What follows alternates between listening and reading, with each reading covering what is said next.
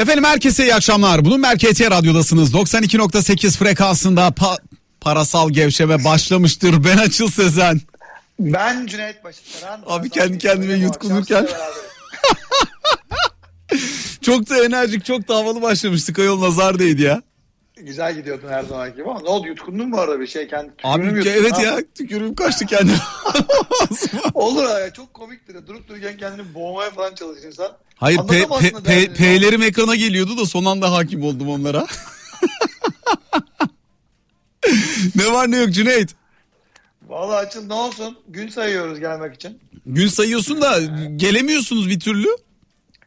Valla bir şekilde geleceğiz galiba açıl kafayı gözü kıracağız geleceğiz. Yani 10 böyle şey mi yani. Ukrayna üzerinden falan mı geleceksiniz ne yapacaksınız? Yok yok gelişte bir sıkıntı yok biliyorsun yani buradan Türk Hava Yolları'nın düzenli uça uçağı da var. Ee, gelişte bir sıkıntı yok açıkçası. Dönüşte varsa sıkıntı olacak diyorsun. Dönüşte var. Dur senin telefonu çalıyor. Sen telefona bak. Ben de o arada Helin bizi bekliyor. Helin'le konuşayım. Ondan sonra kaldığımız yerden devam edelim. ALB Araştırma Müdürü, ALB Coin Araştırma Müdürü Helin Çelik bizlerle. Helin merhaba. Merhabalar Açıl Bey, iyi yayınlar. Ya teşekkür ediyoruz ama hafta geçmiyor ki seninle yaptığımız e, bu yayınlarda bir satış dalgasıyla karşılaşmayalım. Ne oluyor? Kim darmadağın etti? Niye tarumar oldu bu sefer kripto varlıklar diye soracağım. Biraz İngiltere'den gelen açıklamalar var gördüğümüz. Biraz Avrupa Merkez Bankası, biraz Çin. Böyle için içine kokteylin içine kimi atarsan at. Kimse sevmiyor bu ara kripto varlıkları. Ne dersin? Evet e, ne yazık ki sevmiyorlar ve verilerden de hiç hoşnut değiller açıkçası. Bir şey söylemeye korkuyorum ben artık. E, yani sizin dediğiniz gibi Çin'den gelen haber aslında e, çift kanatlı etkilemiş durumda. Hem madenciler bir açmaza girdi hem de Çin Ziraat Bankası'nın gün içinde yaptığı bazı açıklamalar vardı. E, tırnak içinde yatırımcılarına kripto paralara karışmamasını e, istedi. Böylelikle hesaplarının kapatılacağını ve aslında ilişkilerini de sonlandırabileceklerini açıklamıştı. Resmi bir sayfadan duyurdu sonrasında kaldırdı ama kripto para piyasası bunu kaldıramıyor artık. Yani e, her ne kadar bu yazı sonradan silinse de kaldırılsa da e, sonraki süreç için bir panik yarattı. Zaten e, açıkçası Çin hükümetinin eli biraz madencilerin ensesinde. E, bankalardan negatif haberler geliyor. E, bir Powell gerçeği var. Yarın e, Senato'da tekrar bir görüşme, konuşma yapacak. E, dolar endeksi ne olacak? Gün içinde geri çekiliyor ama e, genel anlamda baktığımız zaman burada da bir toparlanma süreci söz konusu. E, eğer güçlü bir dolar görmeye devam edersek kriptolarla negatif e, korelasyonu var. Burası ne olacak derken yatırımcı aslında e, bir miktar satış yapıyor ve yeni fonda alamıyor Bitcoin ne yazık ki. Özellikle zincir verilerine baktığımızda borsalardan alınan adres sayısı son 7 ayın en düşük seviyesinde. Yani ben bir yatırımcıyım. Borsadan Bitcoin, e, Bitcoin adresi alacağım, yatırım yapacağım ama son 7 ayın en düşük seviyesi yani kimse gidip de e, Bitcoin adresi alıp oraya bir fon aktarma yoluna gitmiyor şu an itibariyle. Sadece var olan yatırımcı biraz e, kendi konumunu korumaya çalışıyor. E, aktif adres sayısı da düşüyor çünkü e, yatırımcı elinde BTC varsa bekliyor. Ama bunlar da çok eski yatırımcı. Yeni yatırımcıyı da alamayınca ne oluyor? Stres büyüyor e, piyasa kırmızı ilerlemeye devam ediyor. Şimdi Helin bu piyasa e, içsel değeri olan varlıklardan oluşmadığı için e, hep yeni katılımcıya ihtiyaç duyan bir piyasa. Dolayısıyla evet. var olan yatırımcının çıkışı düşüşü besliyor. Yenilerin gelmesi gelen yeniler ezildikçe daha da zorlanıyor. Dolayısıyla hani bu tür büyük sarsıntıların işte 60 binden 30 bine gelmiş bitcoin fiyatlaması işte ethereum'a bakıyorsun bayağı ciddi şekilde geri çekilmesi var. Bugün yine %10'un üzerinde kayıp var. Yani böyle düşen bıçağı tutmak ya da tutmaya çalışmak gibi oluyor bu tür ortamlar. E, bu kripto varlıklar açısından %10'lar 15'ler çok yüksek kayıplar değil günlük oluyor çünkü bunlar artık ama ne dersin yani bunun toparlaması neyle olacak gibi görünüyor sana? Yani total olarak baktığımızda evet %10'luk bir kayıp çok dediğiniz gibi etkilememesi lazım ama genel anlamdaki kayıp çok büyük ve artık hani biraz 40 binlerin üzerine çıkması lazım ki en azından güven tazelensin. Çok çok fazla 30 binlerde oyalandı ve böylelikle kendine yeni yatırımcı çekmekte de güçlük çekiyor. Yani biraz önce bahsettiğim veri 7 ayın en düşük seviyesinde olan e, borsalardan alınan Bitcoin adresleri mesela bu ciddi bir düşüş, ciddi bir fark. Yani yeni bir güven tazelenmesi e, söz konusu olmalı. Çin'in artık biraz daha en azından e, ya bir e, es vermesi lazım bu açıklamalarına. Biraz piyasa kendine gelmeli ya da güzel pozitif yani e, ufak tefek ileride en azından pozitife dönebilecek bir haber akışı gelirse güzel olur. E, öte yandan tabii yine e, yani ağırlıklı olarak Çin'den gelen bir e, sıkışma söz konusu olduğu için buranın bir nebze de olsa rahatlaması lazım. Gerçi madencilere kucak açan başka ülkeler var mesela Miami. Baş, ben de onu e, soracaktım yani çünkü bu bu bu kısmı bence çok belirleyici olacak. Eğer ki soru işareti yaratan alan mining tarafındaki engellemelerse ki bu önemli bir şey. E, bunu sahiplenebilecek başka alanlar da var. Çünkü mining şirketleri de başka başka lokasyonlara doğru kaymaya hazırlanıyorlar diyordu. Miami mi diyorsun mesela bunlardan bir tanesi? Evet evet yani Miami Belediye Başkanı açıklama yaptı. Davet etti. Destek verdiğini söyledi. E, sadece elektrik maliyetini azaltmaya çalışıyorlar şu an. Çünkü bir miner için elektrik maliyeti de çok önemli. Yani cihazı fişe taktığı an özellikle e, bir düşüş varsa ürettiği bitcoinlerin maliyetini bir şekilde çıkarması gerekiyor. Çok fazla da elektrik e, tüketimi olduğu için o onun aslında gideri sayılıyor. Yani hem cihaz gideri var hem elektrik gideri var. E, doğal olarak miner eğer bunu karşılamıyorsa düşük bir elektrik e, faturası oranı yoksa e, gitmek istemeyebilir ama e, Miami'den ilk destek geldi. Bakalım yani belki e, İran bu konuyla alakalı bir atak yapabilir. Çünkü İran'la e, Çin arasındaki e, bu süreç biraz gerilimli ilerliyor. Rakip çıkmak istiyor. E, lisanslı madenciler e, yetiştirmek istiyor ve e, büyük şirketler kurmak istiyor. E, bunun için de zaten rekabetçi bir e, orana sahip elektrik maliyetinde. E, ama Eylül'e kadar orada da bir ufak tefek zorunlu bir yasak söz konusu. Bakalım Eylül'den sonra nasıl bir tavırla e, karşımıza çıkacak İran? Bence bu da belirleyici olacaktır. En azından e, Çin'le rekabet etmek isteyen ülkeler e, belki de elektrik maliyetlerini aşağı çekerek madencileri bünyesine katmak isteyecek. E, burada e, omuz verecek diyebiliriz. Peki para politikasıyla kripto varlıklar arasındaki ilişkiyi nasıl görüyorsun Helin? Yani şöyle Açıl Bey, e, dolar endeksiyle negatif korelasyonu var. Şu an itibariyle gün içerisinde evet bir miktar e, dolar endeksinde de e, gerileme söz konusuydu. E, kriptolarda da yine aynı şekilde ama e, buradaki ayrışma Çin'den gelen e, bir durum nedeniyle yaşandı diyebiliriz. Ama buradaki eğer dolar endeksindeki kar realizasyonu değilse, güçlü dolar senaryosu devam ederse ve yukarı giderse bu kriptoları negatif etkileyecektir.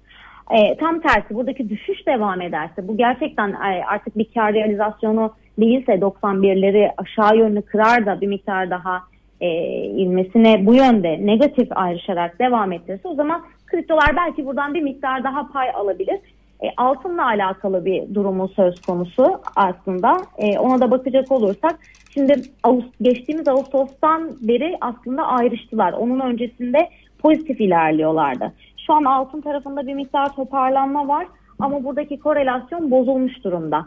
Ya şu olacak altınla tekrar belli bir e, düzeye gelecek ve beraber ilerlemeye devam edecekler. Burada yine belirleyici olan şey dolar endeksindeki ayrışma olacak. Yani o yüzden bizim e, şu süreç içerisinde Powell'ın konuşmalarına belki bir miktar e, kulak kesilmemiz lazım. E, buradaki tahvil faizlerini takip et, etmemiz lazım. E, altına bakalım ikisi korele gidiyor mu bunu göz önünde bulunduralım.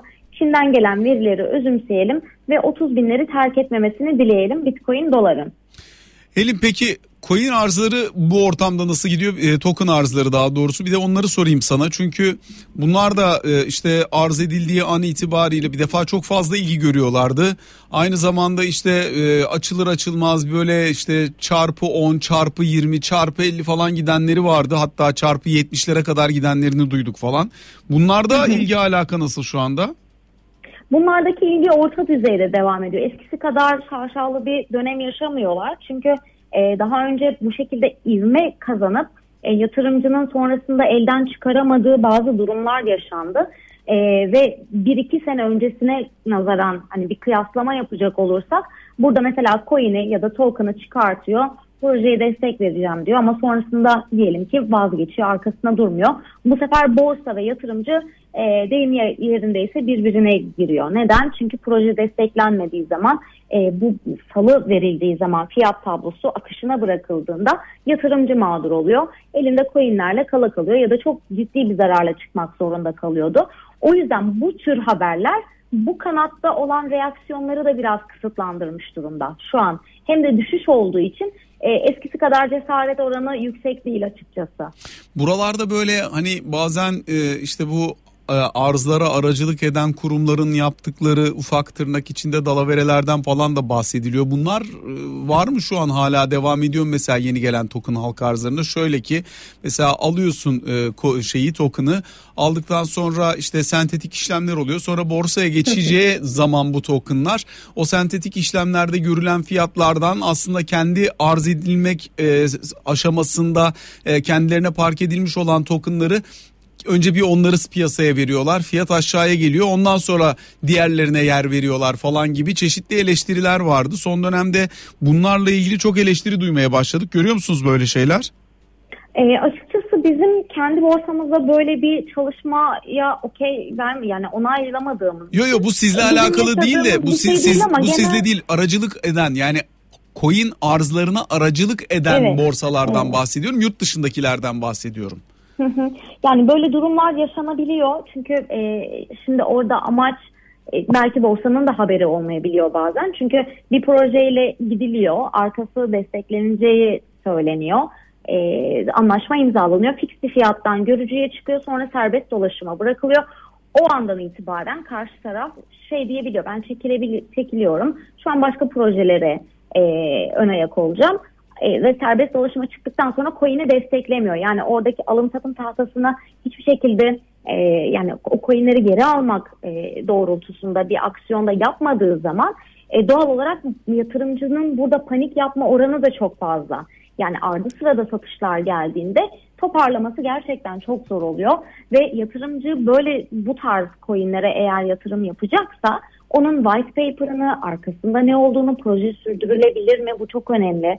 Ee, yani çünkü token çıkarmak inanın çok zor bir şey değil. Çok kolay. Zaten bir ERC20 tabanında istediğiniz gibi yazabilirsiniz bir token'a. Ethereum tabanında kurabilirsiniz. Zaten birçok altcoin %70'inden fazlası Ethereum tabanını kullanıyor. Ben de bugün istesem bir tane HLN token çıkartırım.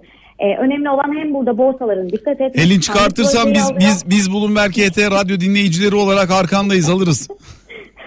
Yok Açıl Bey şimdilik bekleyelim. Belki sonra düşünürüz. Daha sonra diyorsun. Biz, biz, biz e, bu konuya çok girmeyelim. Zaten yeterince yapan.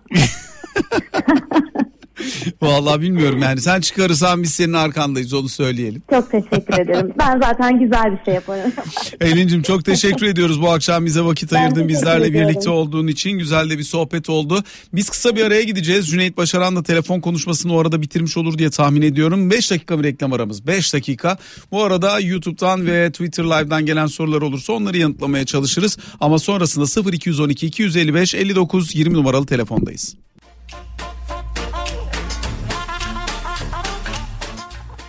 Efendim tekrar sizlerle birlikteyiz. Bloomberg HT Radyo'dasınız. Parasal gevşeme devam ediyor. Ben Açıl Sezen, Cüneyt Başaran'ın görüşmesi maalesef hala bitmedi. E, o yüzden benle birliktesiniz. Ee, sizlerden gelecek olan telefonlarla bir süre devam etmek isteriz. Bu arada Periskop'tan değilse de Twitter Live'dan ve YouTube'dan gelecek olan soruları da mümkün olduğunca yanıtlamaya çalışacağız. Alo.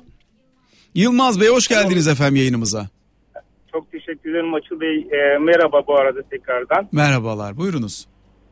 Ee, daha önce de aramıştım size bir sorun olmuştu. Ee, teşekkür ediyorum. Şimdi yeni bir sorun var. Kafama takılan bir durum var aslında. Bu altın ons fiyatları ile ilgili sanki bir e, altın ons fiyatların baskılandığını düşünüyorum.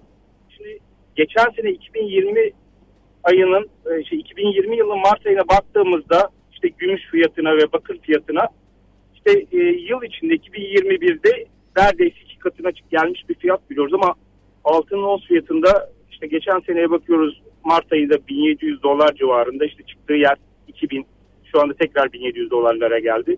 Yani burada bir e, sizce baskılama mevcut mu genel olarak Yoksa başka bir durum mu var? Şimdi baskılamadan kastınız ne bilmiyorum ama şöyle bakmak lazım. E, altını bir para birimi olarak düşünebilirsiniz. Alım satımda da kullanılabilen, ticarette de e, yeri olan bir e, para birimi olarak görebilirsiniz. Altının diğer para birimlerine göre bir dezavantajı var. Nedir? Faiz verememesi. Şimdi faizin diğer para birimlerinde kalmadığı bir ortamda yani bütün dünyada para politikaları salgın nedeniyle sıfır faize doğru gelip hatta e, Avrupa başta olmak üzere tahvil faizleri eksiye doğru dönünce altın kendini muazzam bir hareket alanı buldu. Yani altının fiyatının o bahsettiğiniz gibi iki katına çıkmasının temel sebepleri bunlardı. Yani altının 1200 dolardan 1800 dolarlara 1900 dolarlara doğru hareketinin perde arkasında yatan temel neden dünyada faizin kalmamasıydı.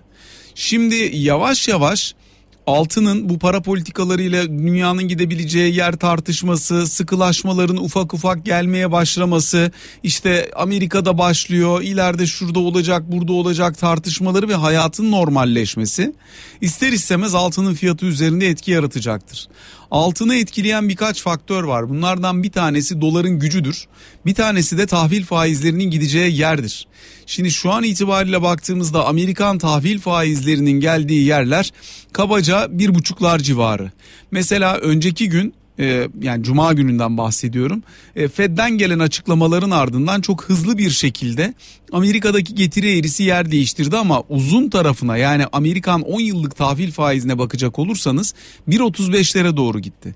Şimdi buralar normalde altına yarar yerler fakat panik ortamında ve önümüzdeki dönemde faizin artacağı beklentisinin oluştuğu yerlerde altın bir miktar zayıflayabilir bu tür görüşleri dikkate alarak hareket etmekte fayda var.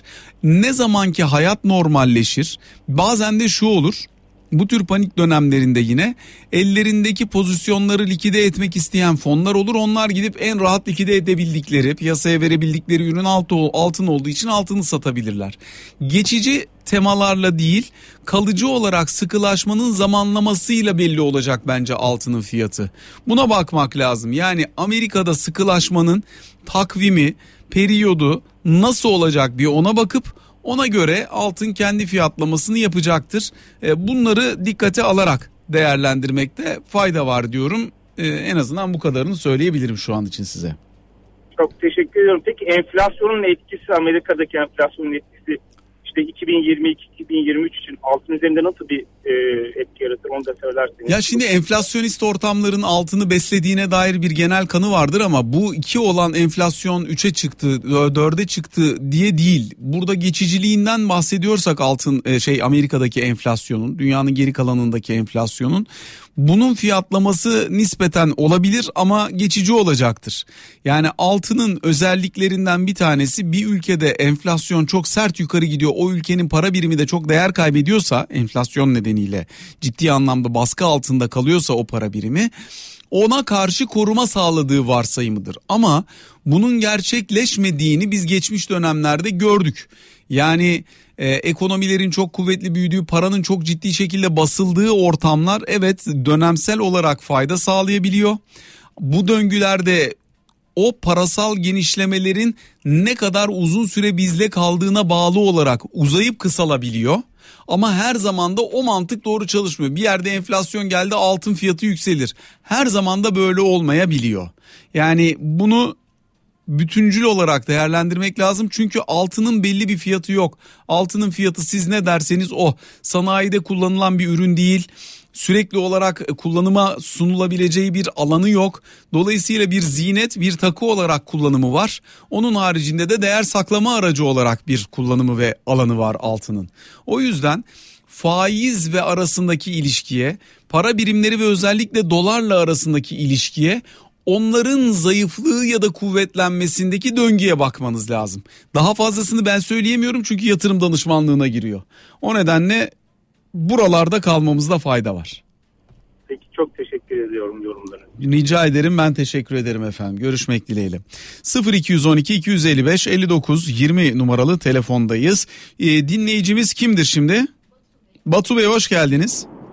Merhaba Açıl Bey, iyi haftalar nasılsınız? Çok iyiyiz efendim, çok teşekkür ediyoruz. Cüneyt Başaran'la sohbet ediyorduk ama bir telefonu çıktı, acil bir telefonu. Onunla konuşmak durumunda kaldı. O yüzden e, benle idare etmek durumunda kaldınız. Yok estağfurullah. Açıl Bey size bir e, hayal kırıklığımı anlatmak istiyorum. Hayır Yaklaşık olsun inşallah. şimdi onu düşündüm. 4-4,5 yıldır sizi takip ediyorum. Bir evlenme arifemde işte altınları nasıl değerlendiririm diye sizin Cüneyt Bey'in fikirlerini almıştım. Sonra bundan bir ay evvel e, forma hediye ettiğiniz programda düşürmeye çalıştım. Ya çok böyle o kadar üzüldüm ki düşüremedim. Çünkü genelde sizi hani periyodik olarak arıyorum. Cüneyt Bey de hazır patron da buradayken ağanın eli tutulmaz diye şey diyecektim. İngiltere'den de gelmeye bir hazırlığı var. Şöyle bir Fener forması daha acaba olur mu diye ricada bulunacaktım açıkçası. Vallahi şimdi e, gıyaben e, kendisi yerine söz veremeyeceğimiz için bir şey söyleyemeyiz ama hani şu anda yayında olsaydı vallahi kitlemiştik ona formayı. Canınız sağ olsun, sağ olun. Sizin samimiyetiniz yeter. Ee, ben biraz milli takımla ilgili konuşmak istiyorum Açıl Bey. Dün maçı izlediniz. Ee, ya maçtan çok beni çok üzen bir basın toplantısı oldu. Ee, çok talihsiz bir basın toplantısı. Aslında e, yani maçla ilgili, genel milli takımla ilgili bazı sorular yöneltilmeye çalışıldı ama ya Şenol Güneş biraz zor durumda kaldı. Biraz üzüldüm açıkçası. Sizin fikriniz nedir? Şimdi ben bir futbol yorumcusu değilim. E, futbolu teknik olarak yorumlayabilecek bilgiye de sahip olduğumu düşünmüyorum. Ama iletişim stratejisi olarak şunu söyleyebilirim. Şenol Hoca'nın ben çok severim Şenol Hoca'yı. Beşiktaş'a iki kere şampiyonluk yaşatmış. Milli takımda başarıları olmuş bir insan. Daha önce turnuva deneyimi de e, defaatle yaşamış bir insan. E, burada tutmadı, burada olmadı. Takımın ne yaptığını da çok anlayamadık açıkçası. İyi bir kadroyla kötü bir sonuç çıktı. Hocanın aldığı para özellikle mesela e, işte takım o kadar güçlü bir gruptan çıkıp dünya şampiyonunu dize getirip deplasmanda yenilmeyip e, hani buraya gelince Euro 2000'e 2020'ye e, dahil olduğunda tartışılmamıştı. Şimdi tartışılmasını doğru bulmuyorum ama bugünün futbol piyasasında hocanın aldığı paranın bir miktar yüksek kaldığı aşikar. 3.2 milyon euro maaşı var hocanın.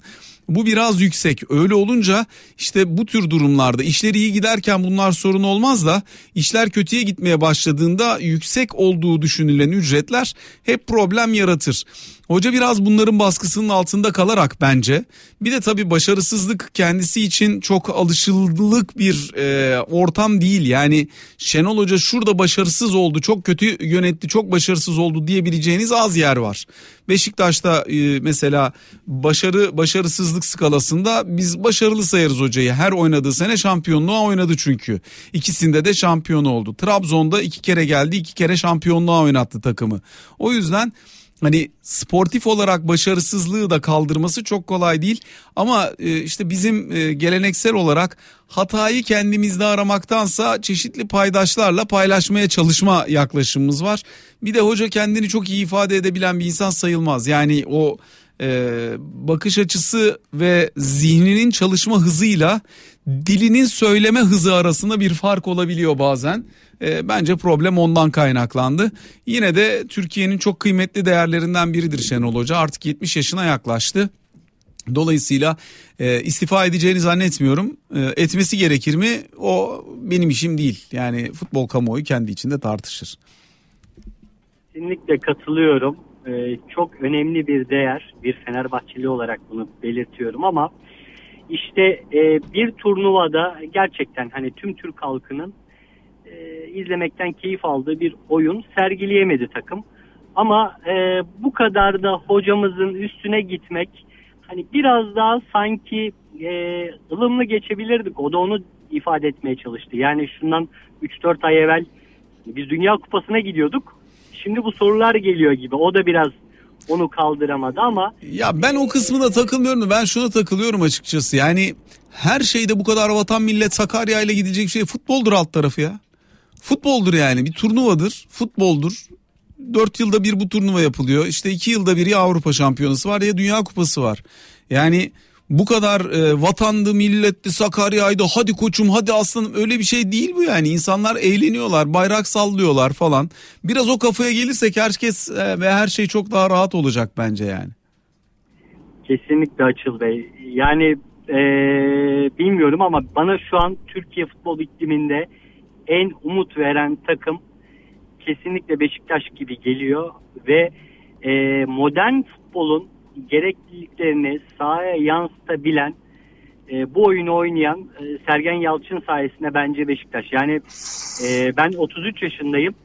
E, bu kadar kısıtlı imkanlarla bu kadar e, futbolun doğrularını yapan e, bir başka takım son 15-20 senede hatırlamıyorum Peki. açıkçası. Çok teşekkür ediyoruz efendim. Bizi aradığınız için Evet. iyi akşamlar Açıl, diliyoruz. Açıl Bey bu arada sözünüzü bölüyorum özür dilerim. Cüneyt Bey gelirse Cüneyt Bey geldi. forması- Cüneyt Bey geldi. Gel, ya Açıl Bey kısmetliymişim. Lafı onun için uzattınız değil mi? Ama Açıl Bey bu kadar da denk geldiyse bence kısmetliyimdir demek. Şimdi Cüneyt size diyor ki diyor ki sayın dinleyicimiz ben diyor size evlenmeden önce bir aramıştım. Evlilik altınlarını ne yapmak lazım falan diye sormuştum. Cüneyt Bey'le beni yönlendirmiştiniz sağ olun diyor. Şimdi geçen sefer diyor forma dağıttığınız e, o şey vardı ya diyor. Hani e, yayın. Evet. O yayında çok aradım ama düşüremedim diyor. Ben Fenerbahçeliyim bir Fenerbahçe forması istiyorum diyor. Ben de dedim ki ben gıyaben Cüneyt Bey'in adına konuşamam. Ama o günün e, koşullarındaydı o. Cüneyt de şimdi e, yoktu yayında gitti geldi falan filan. Yani for, yeni sezon formaları da bu arada 370 liradan falan satışa çıkıyor. Çok oldu ya. Anladım. İzin Biraz verirseniz-. Bir de daha ne mesela madem altında da bu kadar iyi yönlendirmişiz ne yaptıysak artık eğer hani şeyle bahsettiğine göre hani çok kötü bahsetmediğine göre hiç olmazsa bu formayı da bakın bugün Sayın Ali Koç ne demiş Fenerbahçe Kulübü Başkanı haklı olarak demiş ki işler çok kötü noktaya gidiyor demiş. Ee, Fenerbahçe kulübünün de demiş diğer kulüplerimizin de ama Fenerbahçe bir tık daha kötü durumda ama diğerleri de benzer şekilde borçlarıyla gelirler arasındaki makas çok kötü bir şekilde aleyhimize döndü. Yani bu işin sonu ben bir taraftar olarak bunu istemesem de demiş Sayın Başkan. İstemesem de bu işin sonu sahipliğe gidecek. Bu işin içinden çıkılmayacak demiş. Dolayısıyla tam şu an zamanı artık o sponsor olsun bu sponsor olsun demeden elimizi cebimize atmamızın arkadaşlar. E, o yüzden ben diyorum ki o formayı e, altınların da yardımıyla beyefendi kendi sponsor olsun. Valla Cüneyt Cüneyt Cüneyt Cüneyt burada Bey. haklı. Cüneyt burada haklı Cüneyt söyleyecek Bey, bir şey yok. Çok teşekkür çok teşekkürler. Yani 4 4 buçuk yıldır sizi takip ediyorum. Hani benim sizden ricam şu olur. Yeni sezonda bir forma sizden gelirse bir formada ben de oğluma alarak böyle bir katkı sağlayabilirim. Hem İngiltere'den gelişinizin hani bu güzel haberlerine Abi böyle bir şey söyleyeceğim. Sen niye sürekli formayı o oğlanı falan kattı işin içine. Bir yardımcı olsanız Cüneyt Bey falan noktasına geldi iş ya. yani ikiniz de Yok yok öyle olmasın. Öyle olmasın. İnşallah bir sonraki forma ben- bir sonraki e, forma kitleme e, şeyimizde e, turnuvamızda görüşmek üzere diyelim. Çok sağ olun. O da, onu dinlemeye devam edin oraya gelin. Aynen öyle. Aynen öyle. Ya Cüneyt e, seni bu formadan kurtardığıma göre herhalde bana bir yeni sezon forması alırsın.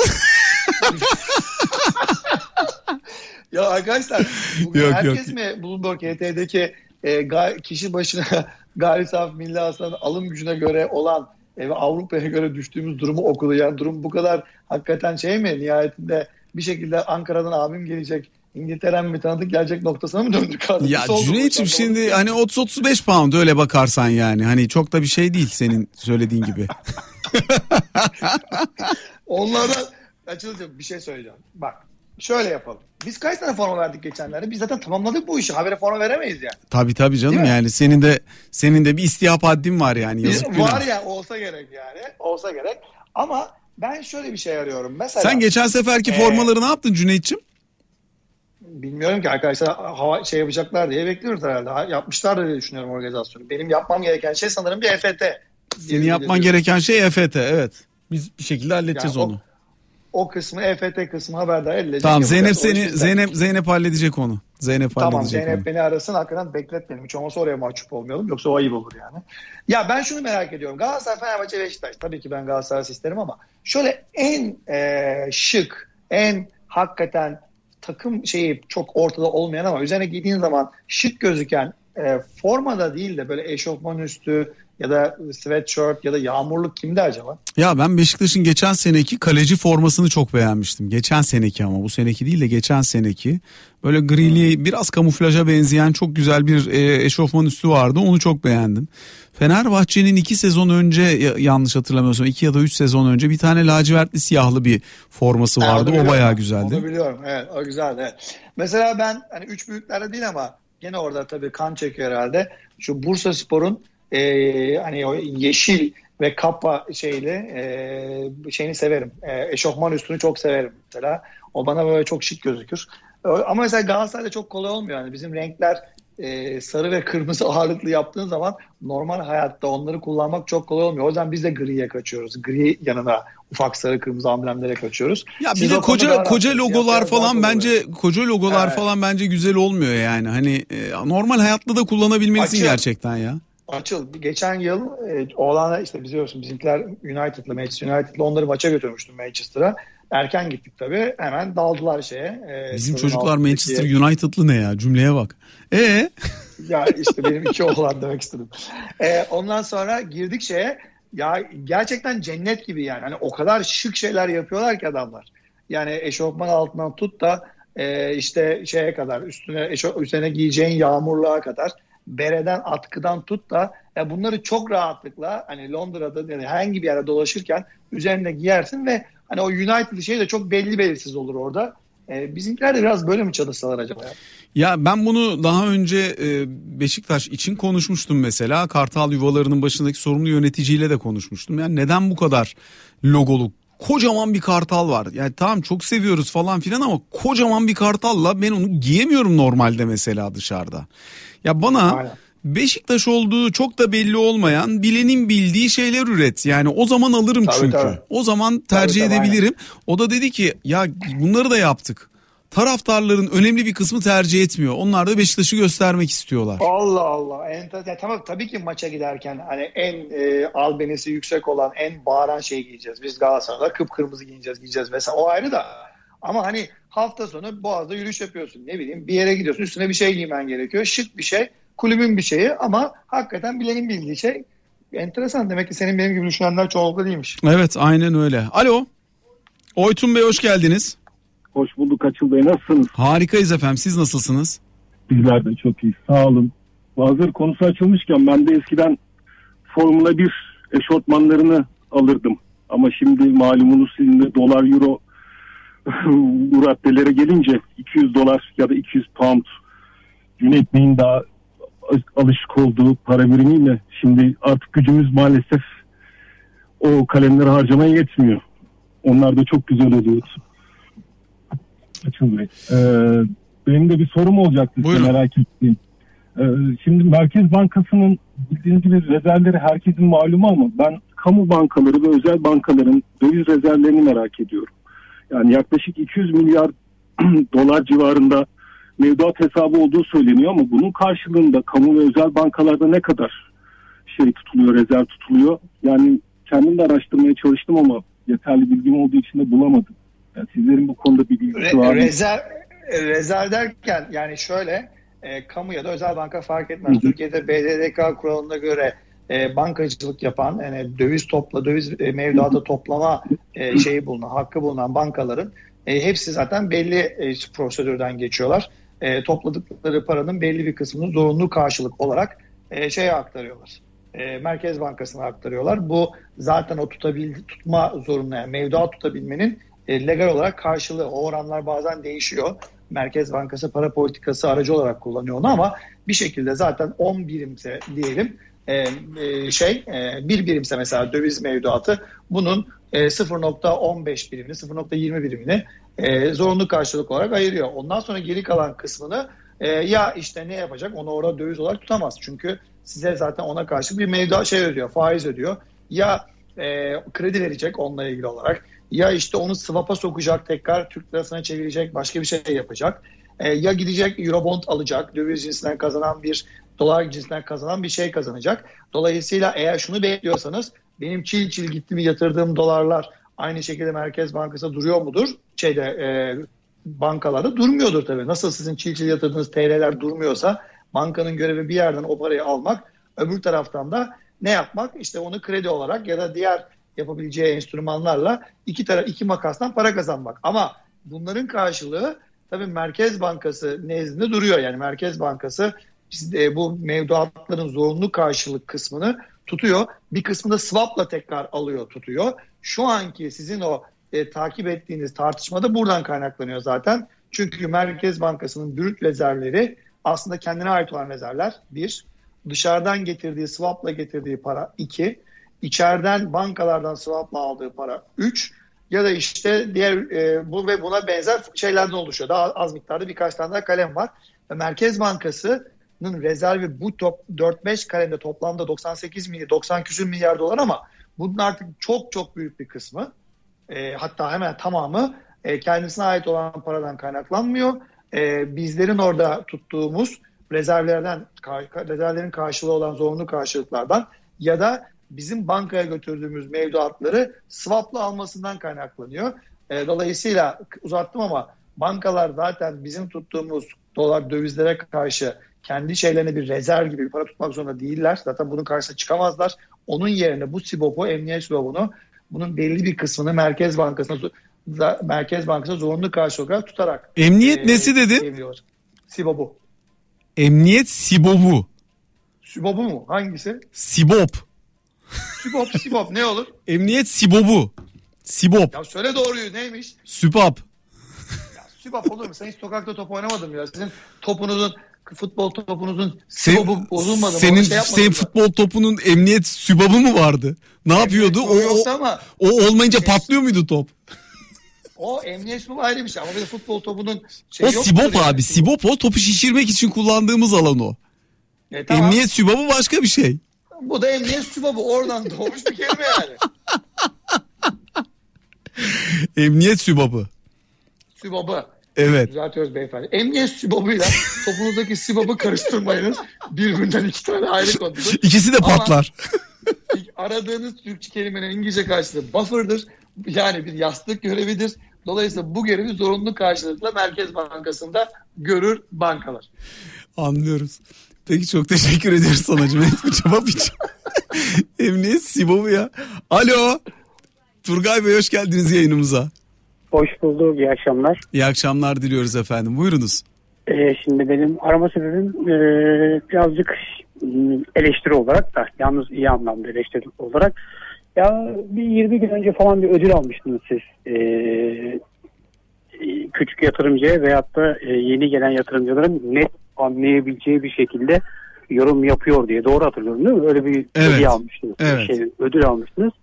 Şimdi e, az önce Cüneyt Bey yoktu telefon görüşmesinde. Bir de sizin bir yaklaşık bir buçuk iki ay önce yine bir konunuz yoktu. Sadece siz e, programı sunuyordunuz. Evet. E, gerçekten de yani az önceki altın yorumumuz ve o günkü bireysel emeklilikteki e, neden yaptırmalıyız, niçin açtırmalıyızdaki yorumlarınızda hakikaten nasıl söyleyeyim hiç ekonomiyle alakası olmayan bir insan sizi dinlese gerçekten de anlayacak bir şekilde söylüyorsunuz, anlatıyorsunuz. Sağ olun efendim. Çok teşekkür ederim. Çok hoşuma gidiyor. Ee, bir de şöyle söylemek istiyorum. İsimlerde biraz özürlüyüm ben öyle söyleyeyim. Mafi hocamız bir de Asaf hocamız herhalde. Evet. Sizi bir 20 20 erken 40 45 yıl sonra öyle bir e, değerli bir hocalardan görüyor gibiyim. Teşekkür ediyorum. Çok sağ olun. Çok teşekkür ederiz. Valla inşallah ileride e, işte e, Ege Hoca, Asaf Hoca, Mahfi abi onlar gibi Gökhan Cüneyt ben öyle takılmaya devam ederiz yani. Hayatta en çok isteyeceğim şeylerden biri olur. Beraber yaşlanmak, beraber büyümek. Beraber büyüdük zaten de. Beraber yaşlanmak da benim en çok isteyeceğim şeylerden bir tanesi olur. Vallahi öyle. Çok ne güzel bir yorum yaptı dinleyicimiz. Hem senin e, bizlerin çok önce fark ettiği birçok e, Bloomberg HT takipçisinin, Habertürk takipçisinin zaten yakından bildiği özelliğini gayet güzel ifade etti. Sağ olsunlar. Bir şey çok teşekkür dinlemek ederiz. istiyorsanız ayrıntılarına yeterince ayrıntısına girip ama çok şeyde boğulmadan, rakamda boğulmadan Açıl Sezen'in e, hem Türkçeyi hem de e, konunun özünü çok güzel kullanarak size anlatması için zaman verin. 10-15 dakika dinleyin. Zaten öyle olurdu. Biz program yaparken de Açıl'la Açıl önce bir şöyle bir şeyini çıkartırdı olayın. Böyle bir röntgenini çekerdi, bırakırdı. Onun üzerine yorum yapmak çok kolay olurdu. Çünkü olay zaten anlatılmış, konular üzerinden geçilmiş. Biz onun üzerine detay veriyoruz gibi olur. Bizim mesela televizyonda yaşadığımız şeylerden bir tanesi şu oluyor Cüneyt. Olayları e, konukla konuşurken falan olayı ona anlattırdığın zaman sorun oluyor. Yani sorun olmuyor da vitaminini alamıyorsun karşı tarafın. Olayı kısaca özetleyip ondan sonra yorumunu almak bence daha değerli. Çünkü Tabii, tabii, bizler tabii. bu işi yapan insanlar olarak daha kısa sürede ve daha özet verme şansına sahibiz normal şartlar altında olay akışını. Olay akışında Aynen. katma değer yok. Onun para eden bilgiye dönüştürülmesine dönük yorum alabilmek lazım. Ben hep onu yapmaya onu- çalışıyorum açıkçası. Onu çok iskonto etme kendini. Yani ben ne olayı anlatıyorum diye önce dünya bir toz bulutuydu diye giden arkasından gene olayı anlatıyorum adı altında kendi fikirleriyle aslında bu böyle olmalıydı ama şöyle oldu diyen yorumcu e, dinledim. Karşısında konuk oldum.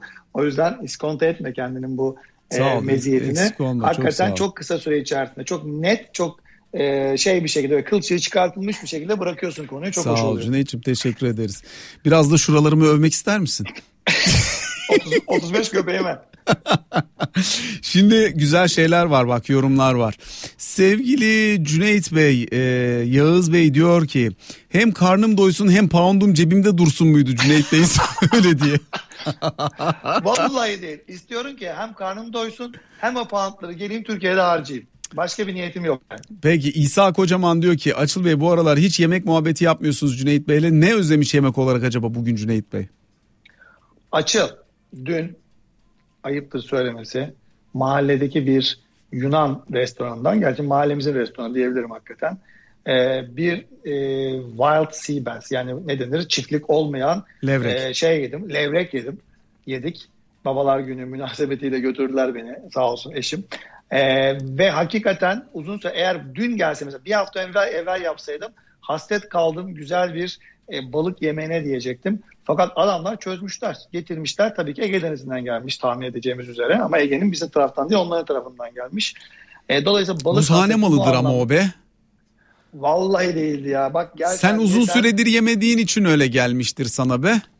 Yani şöyle söyleyeyim giriyorsun hemen sağ tarafta buzların üzerine bizim Türk usulü yatılmış. İşte buzhane malı dediğimiz Adam- öyle oluyor zaten.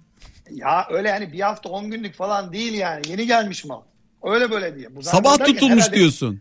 Ege'den gelmiş. En kötü ihtimalle 48 saati vardır. Hadi İstanköy'den üzerine 72 saat tutulmuş. Londra'ya gelmiş 48 saatte. 48 saatte. Fakat tabii hani e, pound olarak makulle ama TL karşılığı tabii can yakar. O yüzden onu geçelim. O Ya ama bir şey söyleyeceğim. Buralarda tabii şimdi bu müsilaj nedeniyle balık falan işleri birazcık sakata bindi. Ee, çok fazla e, şey var soru işareti var. Ee, ben hani bir şey de söylemek istemem çünkü bilmiyorum gerçekten bunun balıklar üzerindeki etkisi nedir ne değildir falan. Midyede problem olduğunu söylüyorlar. Evet. Midye yani var, midye bütün diyorlar. denizin o şeyini azotunu pisliğini vesaireyi falan kendi bünyesinde topladığı için hani bir süre midye tüketmemek lazım derler. Ama onun haricinde yani bir balık keyfimiz vardı. Gerçi mevsim de zaten artık balığın mevsimi kaçtı. Ama bu müsilaj bayağı denizlerin tadını kaçırdı yani. Burada olsan biz de çok fazla e, şey ettiremeyebilirdik seninle. Ee, ama gene de ye- yemek ismi vereceksek tabii her şeyi bulmamıza rağmen burada bulamadığımız, tam olarak bulamadığımız bir paça çorbası. iki kokoreç, bildiğimiz normal kokoreç. Bunlar Türkiye'ye geldiğinde ilk fırsatta hemen yiyeceğim iki tane yemek. Zeytinyağlı güzel bir e, Ayşe kadın fasulye mesela olsa da yesek. Bak tam yok mevsiminde geliyorsun onun. E, enginar, enginara kendisine Cüneyt ta- şeyde- tatilde gömelim onları ya böyle. Ya Ha? ne diyorsun? Enginarı biraz kaçırırım herhalde. Biz Temmuz biz ama biz rica abi bak sen böyle diyorsan bizim buzluğa atılmış enginarlardan saklayacağım senin için. Of ne diyorsun? Sonra Bodrum'a gelirken getireceğim.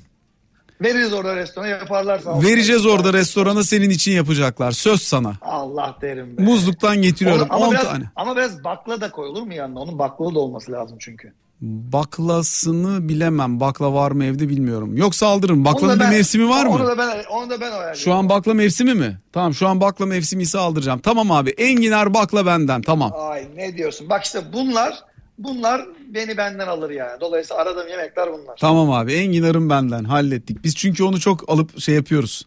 e, saklıyoruz. O yüzden böyle bayağı şey olacak yani. Sizin sizin tabii e, şeyde de e, baba tarafına gittiğiniz, kayınpeder tarafına gittiğiniz bölgede çoktur. Oradan dönüşlerde toparlayabilirsiniz. Oradan İznik'ten mi? İznik civarından. Ee, yok yani vardı zaten bizim şeyde de var. Ee, İstanbul'da zaten artık çok güzel organik pazarlarda falan filan da şey satılıyor. Ee, bu sene biz bayağı güzel enginar yedik ya. Yani şeyimiz var. Ay ne diyorsun bak ya orada. Onlar Evet, evet. Çocuklar da seviyor mu? Yok. E, eşim ve ben çocuklara zeytinyağlı ya da tencere yemeği yedirmekte çok zorlanıyoruz. Düzenli olarak evde yapılıyor. E, ama her defasında bayağı mızıldanarak yiyorlar yani. Hadi ya. Ama haklı Vallahi. çocuklar da vallahi. Yani haklı derken Yani- Londra'da ne yiyecek çocuklar? Yani oranın, oranın yemek kültürüyle büyüdüler. Evet maalesef o konuda hani evde ısrarla devam ediyoruz. Onu e, bırakmıyoruz peşine ama yani dışarıda yemek yendiğinde de arkadaşlarından duyduklarım menüler çok farklı olduğu için sürekli biz niye evde bunlar var da şunlar yok şeklindeki sorulara maruz kalıyoruz. Cüneyt Yağız sana sormuş demiş ki konusu açılmışken İngiltere'de adınızı e, telaffuz ederken June 8 mizahı yapan oldu mu? Ya onu ben yapıyorum. Başa demiyorum çünkü. Şöyle de küney yani denmesinden nefret ediyorum yani. Küney Küneyt. ne ya? Küney Künefe. ne yani? Yani küney, küney denmesi için ya da karşı taraf kıvranıyor bazen. İlkinde anlamıyor, ikincisinde top çeviriyor falan. Aklımda kalmasını istediklerimi ben söylüyorum. Month, June, number 8. En kolay böyle diyorum. Month, June, number 8 diye o, o şekilde aklarını tutuyorum. Yani. Benim ismi de bir formüle etsene Cüneyt sana zahmet ya. ne diyorlar sana ilk duyduklarında? Actual. Aç. Actual. Gerçek Veya Asil diyorlar ya. böyle. Ha, Asil, Asil, evet, Asil öyle de diyorlar.